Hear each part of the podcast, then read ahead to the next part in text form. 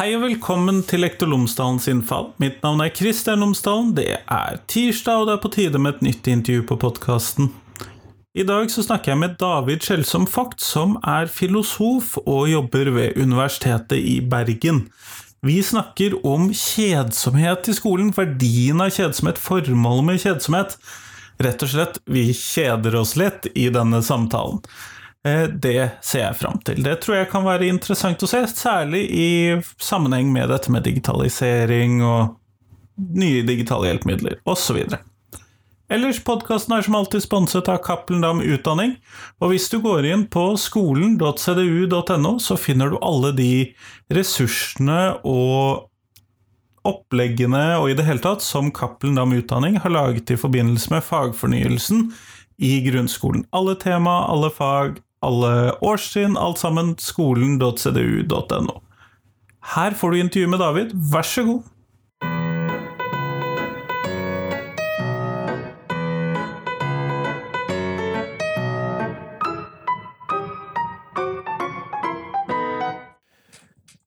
David Fakt, tusen takk for at du har tatt deg tid til meg i dag. Takk for at jeg fikk komme. Før vi starter selve intervjuet, så hadde jeg håpet at du kunne fortelle lytterne mine tre ting om deg selv, sånn at de kan få bli litt bedre kjent med deg. Ja. Eh, jeg er til daglig filosof på Universitetet i Bergen, der jeg holder på med en eh, postdoc. Eh, det er innenfor politisk filosofi, kan jeg si, og rettsfilosofi. Straff, den type ting jeg er interessert i. Så det var én ting.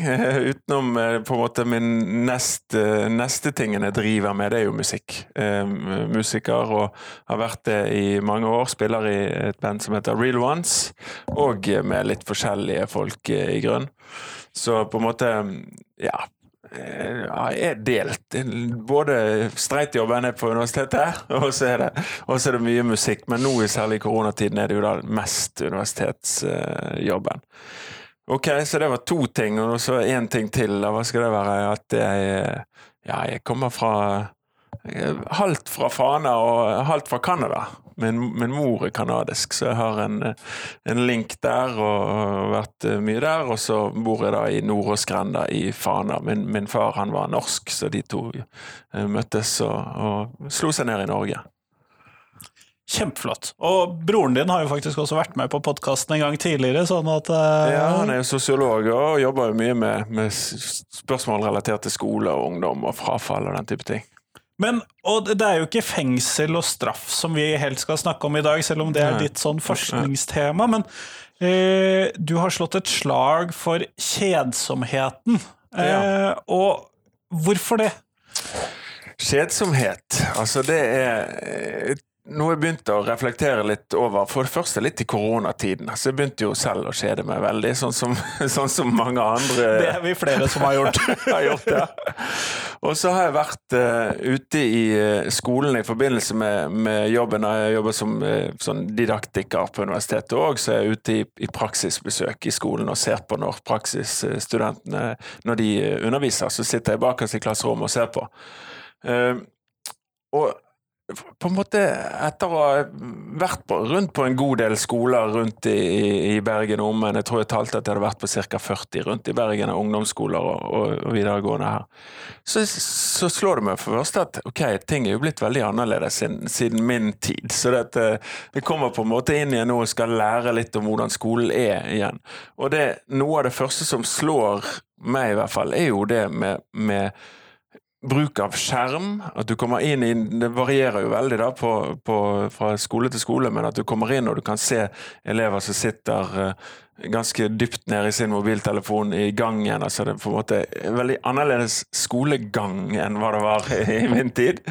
Og så er det det å sitte bakerst, og så ser du gjerne hva folk sysler med som ikke alltid er relatert til det som foregår eh, i, fra, fra kateteret. Og det er jo klart, sånn var det jo selvfølgelig også før, men, men, men nå ser man jo da når man sitter bak oss, hva som foregår på skjermene.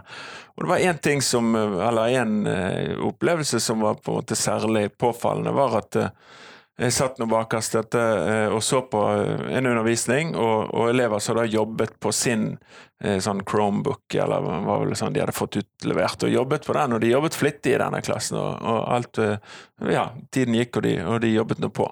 Men så var det en elev som begynte å spille et spill på denne skjermen, et eller annet dataspill, og jeg så jo da på, på de andre eh, lærerne der, og forventet på en måte at nå skal de gripe inn her og si et eller annet. Men eh, det gjorde de ikke. Så etterpå, når vi har en sånn samtale etterpå, så spurte jeg da denne klasselæreren om den Ja, jeg så at det var en som spilte data en stund der. Hva, hva var det med det? Jo, nei, det var fordi at uh, han eleven han pleier alltid å bli ferdig før de andre. Så da får han lov til å spille data mens han venter på de andre. Og eh, I ettertid har jeg faktisk hørt om, om dette andre steder òg, så dette er ikke et helt uh, Nei, det hørtes ikke ukjent ut. Det gjorde ikke det.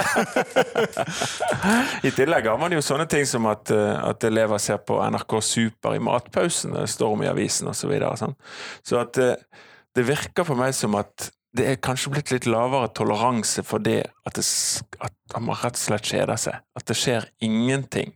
At nå sitter du der og ser ut av vinduet og venter på at de andre skal bli ferdig, f.eks. Eller at du spiser maten din og, og gjør ingenting annet enn å spise maten, eller kanskje snakker litt med naboen.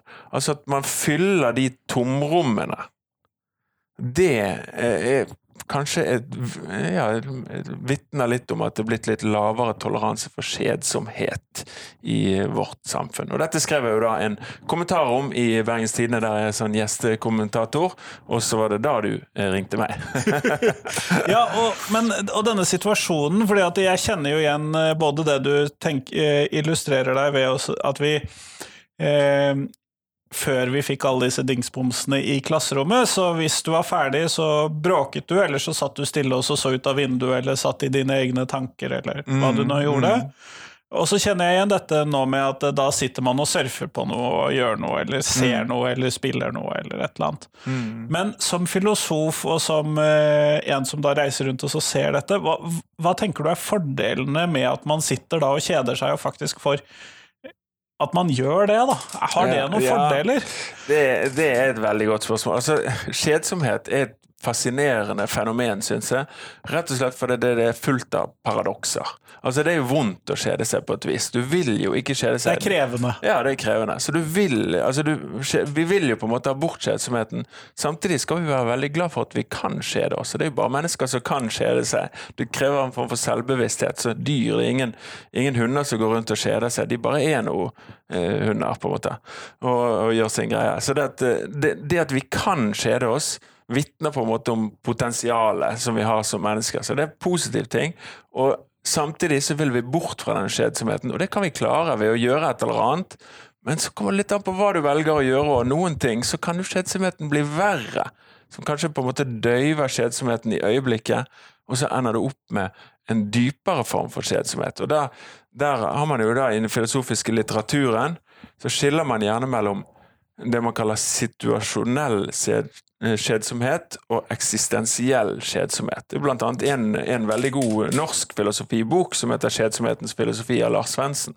Han går gjennom mye av denne litteraturen om kjedsomhet. Men altså at du skiller mellom situasjonell, det sier seg selv. Du kjeder deg i en eller annen situasjon. Du har ikke noe å gjøre akkurat nå? Nettopp. sant? Du sitter på uh, bussen og uh, venter da på å komme frem med bussen. Det er ti minutter til du er fremme, du kjeder deg sånn sett i dette øyeblikket.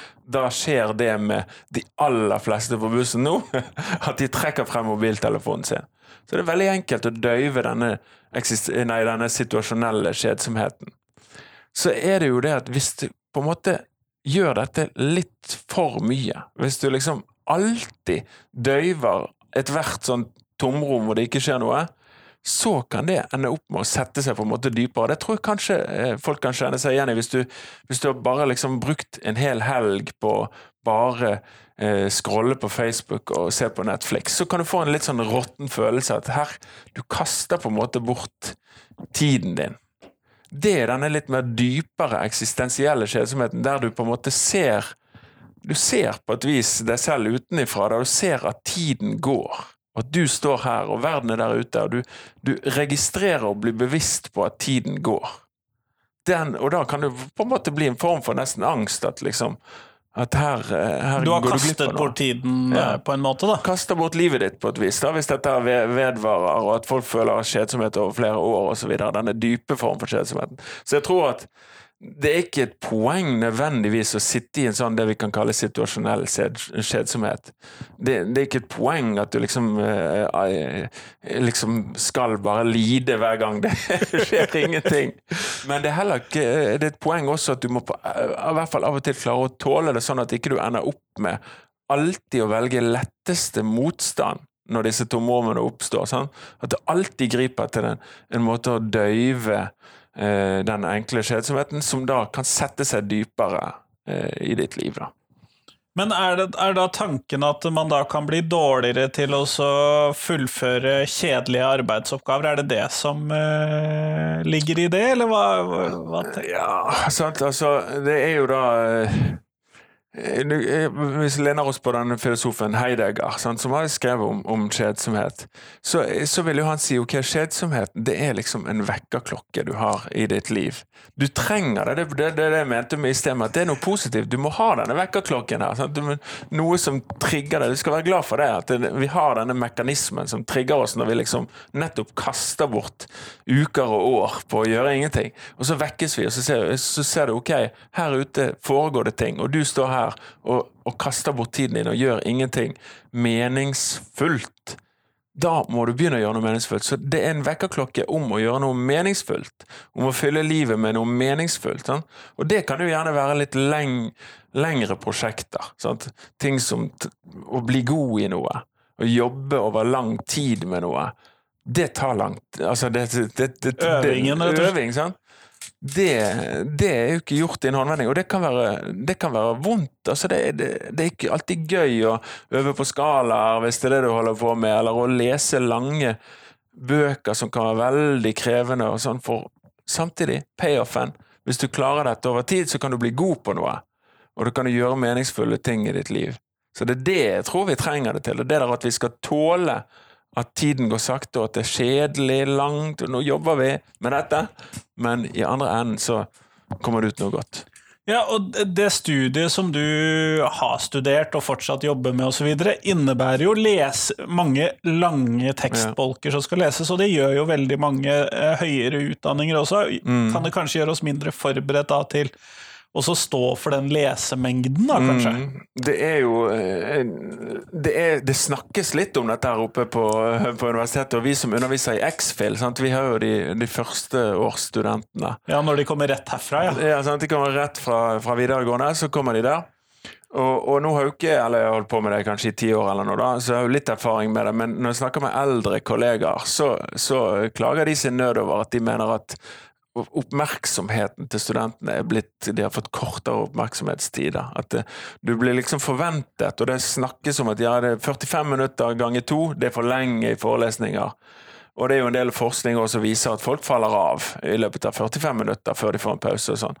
Så da får du råd eksempel, ja, etter 20 minutter så bør du bryte opp, da må du ha en Kahoot eksempel, eller gjøre et eller annet som er interaktivt eller sånn. Og, og for all del ikke på ingen måte motstander av det, men det kan også være et symptom på at man forventer ikke at folk skal sitte i tre kvarter i dyp konsentrasjon, for det er heller ikke folk i like stor grad vant til. Det kan godt være at for la oss si for 100 år siden, da, folk som studerte ting da, de var kanskje forventet å lese i 18 timer i strekk, og bare sånn er livet, kjør på, liksom. Altså, Det var underholdningen, sånn at så, så det kan i hvert fall, det, uten at jeg kan si hvor mye det stemmer, da, så det, det er i hvert fall en mulighet at det kan være at denne tendensen som vi alle etter hvert har til å gripe til eh, noe som kan underholde oss når, når det ikke skjer noe, i form av mobiltelefon som regel, at den tendensen også påvirker da vår eh, ja, motstandsdyktighet når ting,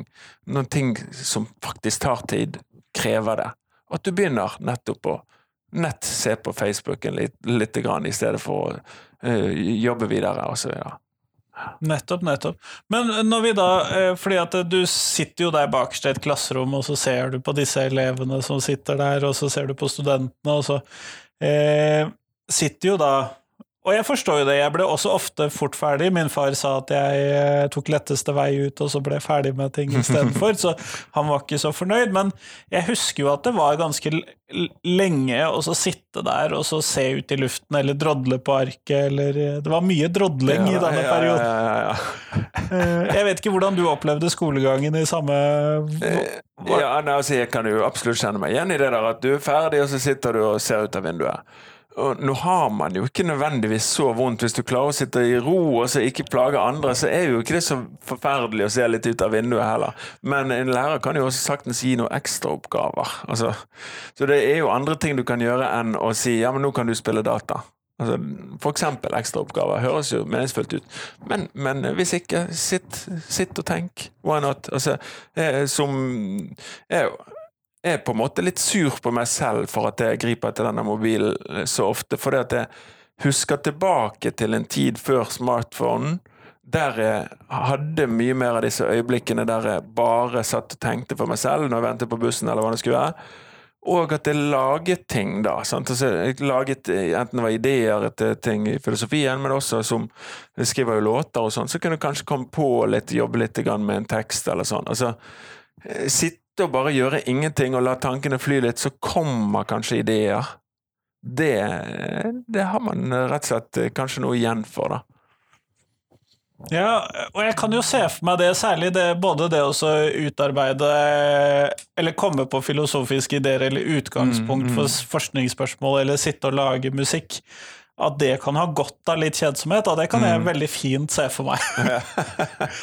at du rett og slett da får fred og ro i hodet til å bruke det den veien. Ja. Mens hvis du alltid da eh, bare scroller Facebook, og for all del er jo ikke noen motstander av Facebook, er på Facebook og, og følger jo masse interessante mennesker som deler masse interessante artikler osv. som jeg leser. Og det er en glimrende kilde til input, men poenget er jo at du må også få tid til å bearbeide denne inputen. Og, og, og så da gi det en output. Bruke det til noe, og omsette det i noe hvis man skal skrive eller sånn. Da trenger man jo disse øyeblikkene hvor det er veldig lite å gjøre rundt seg. Nå i, nå i uh, koronatiden med hjemmekontor og sånn, så merker jeg selv for min egen konsentrasjon er dårligere. Jeg liker veldig godt å være et sted hvor det er ingenting annet å gjøre enn å jobbe. Så, så, liksom å være på et kontor som er veldig kjedelig, der jobber jeg godt, for der er det liksom da skal jeg liksom jobbe. Når jeg er hjemme, så er det alle mulige andre ting som er litt gøy, som jeg lett kan gjøre. Gripe til ting som er rundt der. Sette meg litt ned ved pianoet spille litt. Grann. Et eller annet som gjør at Så du har ikke tatt med instrumentet på jobb, altså? Nei, nettopp av den grunn. For jeg vil, jeg vil, ikke ha den der avbrytelsen. Jeg vil uh, at jeg skal prøve å konsentrere meg. Når jeg er på jobb, så skal jeg jobbe dypere. Det er en, eh, for øvrig en interessant bok som heter Deep Work av Cal Newport, som vi kan anbefale folk, som går inn på akkurat dette med forskjellen på å jobbe litt mer overfladisk der du multitasker, og det å jobbe dypt. Og der er jo en del forskning som viser at uh, vi tror vi er bedre til multitasking enn vi er. Vi er jo egentlig skrekkelig dårlige til det. Ja, sant? Du, liksom bare det å sjekke mail, for eksempel er, tror man at jeg, skal bare akkurat kjapt eh, svare på den, og så skal jeg skrive videre, eller gjøre hva, hva nå gjør som er liksom dypere arbeid. Men poenget er at det da liksom eh, tar og en form for ja, Han kaller det vel 'taxing the bandwidth', eller noe sånt. Så det, altså, liksom at du liksom, det krever en slags skatt av din oppmerksomhet. da Uh, mer enn vi tror. Så, så han, han, er interessant, han der, Cal Newport, i det han sier at eh, det å kunne konsentrere seg, det er den 21. århundrets superkraft. Og så gir han et, et godt eksempel da, på at i, uh, i skolen har man alltid man har brukt utdanningssystemet til å trene på den evnen som er verdsatt i det samfunnet. Så i Djengis Khans Mongolia så var det å kunne ri og skyte med pil og bue samtidig en ettertraktet evne. Den evnen er jo ikke spesielt ettertraktet nå lenger. Den... Det er jeg skikkelig dårlig til. så den er det ingen, ikke et eget fag for det, for å si det sånn. Så den trener vi ikke på i skolen. Men det som er ettertraktet, er jo det å konsentrere seg. Det å kunne sile ut overflødig informasjon, og jobbe med det du skal jobbe med, og ikke la det spore av. Det er jo det vi skal eh, da trene på i skolen. Og vi er kanskje litt for lite bevisst på det når vi tillater sånne utflukter fra det vi holder på med, med noen atspredelser og, og bare spille litt grann og så videre eh, innimellom. Ja, da kan du jo få litt eh, hva skal vi kalle det, ikke-tiltenkte følger, da, når vi lærerne lar elevene sitte og Enten det er å spille et spill, som de gjør i, på mellomtrinnet og småskolen, eller de sitter og shopper klær, sånn som elevene mine til dels ja. sitter og gjør, eller ja. lager russekort, for den saks skyld. Ja. Uh, man gjør jo ganske mye forskjellig, men det tar jo på oppmerksomheten. Det ser jeg jo. Ja, det gjør det. Og, og, dermed på Ok, du får kanskje med deg bullet pointsene på, på tavlen, men men liksom det er litt dypere, og, dypere læringen i det, da. Og, og, det å problematisere disse bullet pointsene osv., det vil nødvendigvis dette her gå utover. Og jeg tror jo at eh, Altså, jeg var jo selv litt, litt, sjokkert da jeg begynte å komme tilbake til skole og så, så, hvor vanlig det er å sitte med helt andre ting. Og jeg tror at ganske mange foreldre ville være sjokkert over hvis de visste at sine barn satt med så grådig mye tid som går med til helt andre ting når de er i skolen.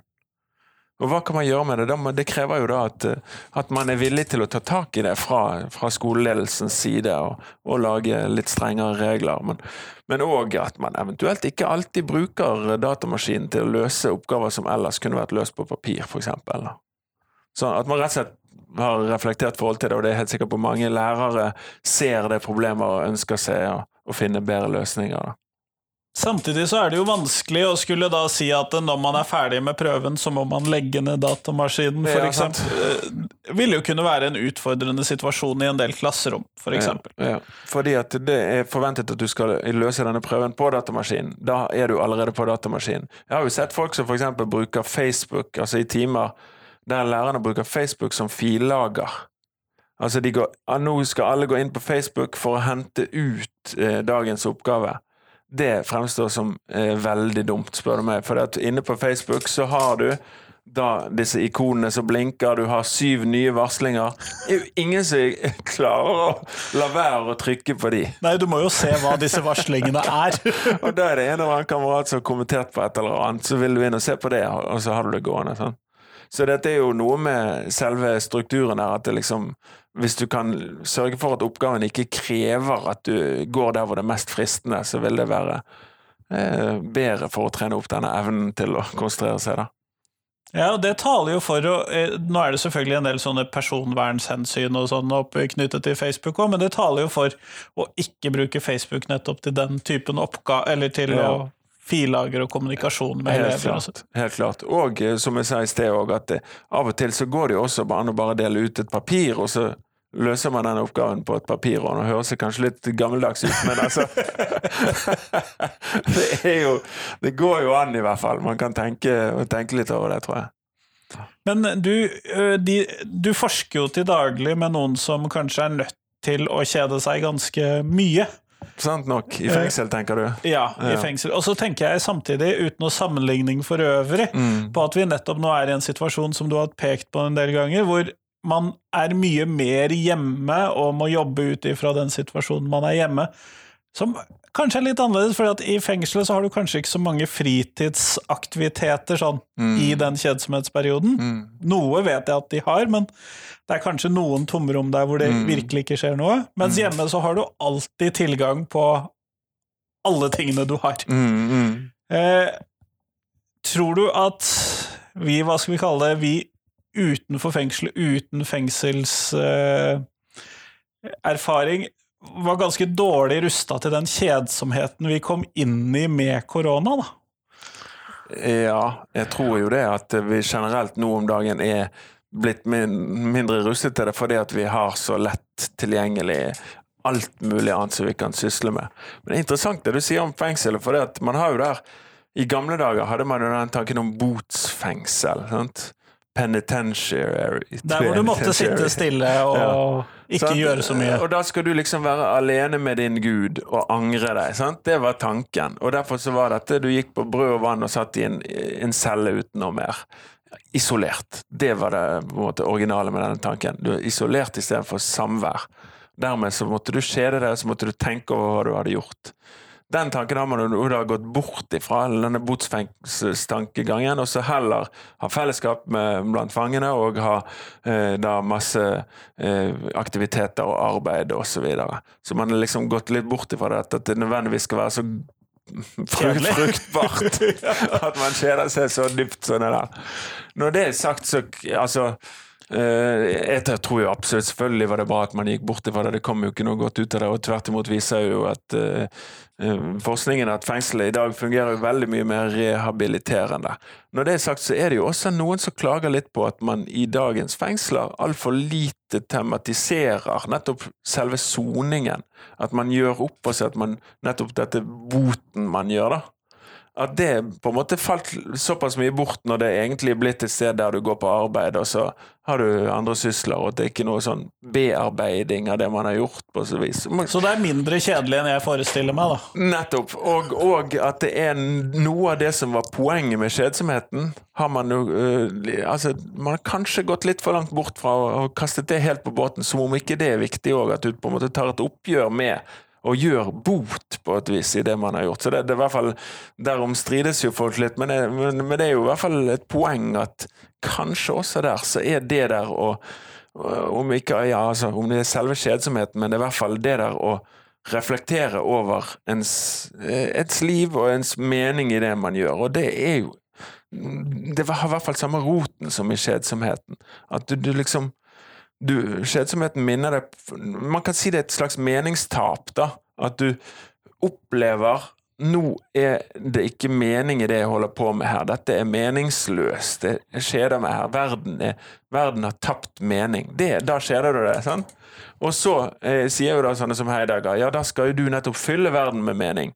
Så du skal selv være eh, en sterk aktør her som går og, og tar tak i ditt liv og gjør noe med det. Det er jo lettere sagt enn gjort, og det er jo derfor man har gått bort fra denne botstanken. Det er jo det er ikke reelt at folk tar seg sammen på den måten og, og liksom skaper mening i sitt liv på den måten. Sånn? Så, så, så, så, helt så enkelt er det ikke. I stedet tror jeg, og der har vi jo litt med skole å gjøre, at man må hjelpe folk å hekte seg på meningsfulle ting i verden der ute. Du kan ikke forvente at folk skal, folk skal liksom lage mening i sitt eget liv du, helt av seg selv. Nei, sant? Du er nødt til å hjelpe folk til å hekte seg på meningsfulle aktiviteter, og det gjør man jo da ved å eksempel eh, kunst og, og, praktiske fag, der du jobber med, med, materie i verden og lærer deg å kjenne på kvalitet. Og, og kjenne på det og lærer, og det på en måte kobler deg på. Og når du hører en, en sang som du elsker, så skjer det deg ikke. Da, da, da er du helt inn, da du er vevd inn i den sangen. Sant? Du går i ett med verden. Når du da har hørt den samme sangen kanskje 100 ganger på rad, som du nesten kan gjøre hvis det er en sang du virkelig elsker, så, så slutter han på en måte å bli like magisk så blir du litt stående litt igjen som en sånn mer litt For min del i hvert fall, at det, det, sangen kan du, kan bli, du kan bli lei av sanger. da. Det, bli litt metta, kanskje? Sant? Og det er en annen måte å si at sangen begynner å kjede seg litt. Eller å kjede deg litt. At det som den før var den helt magisk, at du var helt koblet på den meningen der, nå har det blitt en adskillelse. Nå står du og ser på den som adskilt. Sant? Så jeg tror at hvis skolen Dette er jo veldig abstrakt, det sier nå, da, men hvis, hvis, skolen kan hjelpe til det der å kunne liksom gå inn i praksiser og gå inn og liksom bli grepet av ting, og liksom bli engasjert, så opplever de jo ikke den skjedsomheten. Så da, da, da, er det på en måte kuren her, og kanskje bedre enn at du, enn du skal forvente at folk skal kunne av seg selv lage et meningsfullt liv helt sånn avkoblet. Ja, og, det, og, og så Dette her stiller jo et spørsmålstegn ved hele A4-skolen, potensielt. Men mm. selv i den der situasjonen hvor du sitter og venter, for det er jo sjelden man er ferdig så veldig mye før i en prøve enn at det er mm. ti minutter igjen, mm. så kunne jo den praktiske utformingen vært at du hadde en blyant og en tegneblokk, og du faktisk satt og drodla litt i, mm, mm. i den situasjonen mm, som du startet med, da. Ja da, ja da. Eh, for det er jo mange måter, så enten så kan man jo da se på å nettopp få inn mer av dette praktiske estetiske inn i skolen ja. ved å utfordre helheten. Ja, det, det, det, det tror jeg på. Og jeg skrev jo en annen kommentar i Bergens Tidende for noen år siden om sang i skolen, som er en annen av mine kjepphester. Skulle til å si at det er jo altfor lite sang og, og musikk, og, og generelt eh, praktisk estetiske fag, spør du meg. Og det handler jo litt om akkurat det der. At du skal da idet du musiserer sammen, eller gjør noe sammen, om det var dans eller hva som helst, du gjør det sammen, så, så skaper du, og du blir liksom sugd opp i en sånn, et engasjement i en, i en, en praksis, da. Som du kan lære deg å liksom nyansene i og bli glad i. og det, det der greiene der tror jeg det er for lite av, og dermed så blir det ja, mindre engasjerende, og du blir, får mer denne følelsen av å skje det, fordi at du blir du mister, Det mister mening, du blir stående alene i verden på et vis. Og der kommer denne vekkerklokken. Du står der alene, sant. Og, og grunnen til Fascinerende nok så sier man jo at kjedsomhet er bare noen hundre år gammelt. Altså For det var da vi hadde tid til å kjede oss? Eh, delvis. altså Man kan si at det har vært et overklassefenomen. Eh, liksom Adel og sånn har kunnet kjede seg. Andre har vært altfor opptatt med å skaffe seg mat, for å si det sånn. Men, men, altså, man snakker liksom om at uh, i moderne tid, når, når, Gud er død, da, som Nietzsche sa, så er det ikke lenger sånn at verden automatisk er meningsfull fordi at du er rett og slett født inn i Guds rike. Hvis ikke du opplever det lenger, så er det ikke noe, er ikke noe ytre som skal gi mening til verden. Det er vi individene som skal fylle verden med vår mening. Og hva skjer da? Jo, da skjer jo det at veldig mange ikke opplever at de klarer det. Og da får de en sånn eksistensiell angst, eller også en eksistensiell skjedsomhet. Og det er da fascinerende nok, kan man si, denne dype skjedsomheten kanskje bare er la oss si 300-400 år gammel. Det er jo rart å tenke, men at, at de der huleboerne de kjedet seg ikke. De skulle jo tro de kjedet seg. Vi har jo Netflix, det har ikke de, for å si det sånn. Skulle jo tro at de kjedet seg veldig, med samme hver kveld. Men nei. Rett og slett fordi at det er ikke tematisert selv, altså, Kjedsomhet krever jo bevissthet om at du kjeder deg, når det, når det er i denne dype, dype forstanden. da. Kjempeflott, David. Vi går mot slutten av podkastintervjuet, og da vil jeg gjerne stille deg det spørsmålet som jeg stiller alle jeg intervjuer. Eh, og det er hva er de tre viktigste tingene skolen lærer elevene? De tre viktigste tingene? Ok. Uh, la oss si uh, Kanskje bare Vi filosofer liker jo å redusere fra, fra mange ting til én, så jeg vil si det vi skal lære, det er frihet. Så frihet er skolens uh, på en måte formål. At elevene skal bli frie. Og det innebærer jo da en hel del forskjellige ting. For det er så mange ting det er vi mennesker driver med, og, og, hvor vi kan være ufri i forhold til de tingene. Det ene er jo da selvfølgelig det akademiske. Å kunne tenke og skrive og, og tale på den måten man gjør når man diskuterer ting osv. Det er jo veldig mye i fokus. Men det er viktig. Altså Å lære seg å bli fri på den måten. Opplysningens frihet, da, på en måte helt eh, ekstremt sentralt, og heldigvis noe som man er veldig opptatt av. Men det er andre typer friheter som går på mer eh, hvordan eh, en relaterer seg til andre mennesker og relaterer seg til da, samfunnet. Så det er mer politiske, det å være en deltaker i samfunnet. Og det er frihet i forhold til mer eh, å kunne eh, ha estetiske erfaringer. Å tørre å synge, f.eks. Det handler om frihet. Sånn. Den er vanskelig, syns jeg. nettopp, nettopp. Men hvis du hadde hatt synging som et fag på linje med eh, alle mulige andre ting fra tidlig alder, så ville det vært like naturlig som å, å sykle. Sant? Altså Det er friheten til å kunne sykle, det er friheten til å kunne synge, det er friheten til å kunne male og til å uh, lære seg det ene og det andre. Så uh, alle mulige ting vil jeg si er viktig at du skal lære i skolen, men overordnet skal vi bidra til at elevene blir frie, uh, selvstendige individer. Kjempeflott. Tusen takk for at du tok deg tid til meg i dag. Tusen takk for at jeg fikk komme.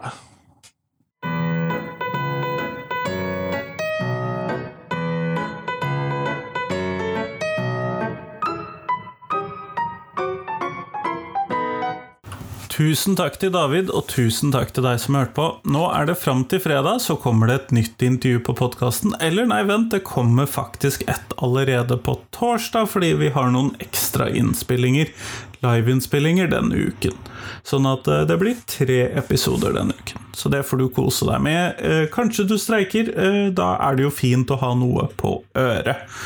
Ellers så er jeg veldig glad hvis du deler podkasten min med noen du tror vil sette pris på den. Det vil gjøre meg veldig glad. Og så har jeg jo hørt at noen bruker podkasten i forbindelse med f.eks. For sånn planleggingsdager og sånn. Og hvilken episode tenker du at er den nyttigste sånn sett å ha til en planleggingsdag? Send meg gjerne hva du tenker om det. Ellers, ha en fin uke. Hei, hei!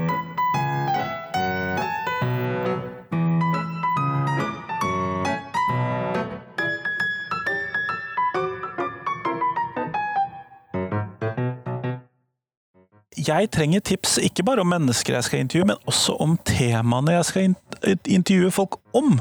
Så send meg gjerne tips til et tema. Da trenger du ikke nødvendigvis ha tenkt ut hvem jeg bør intervjue.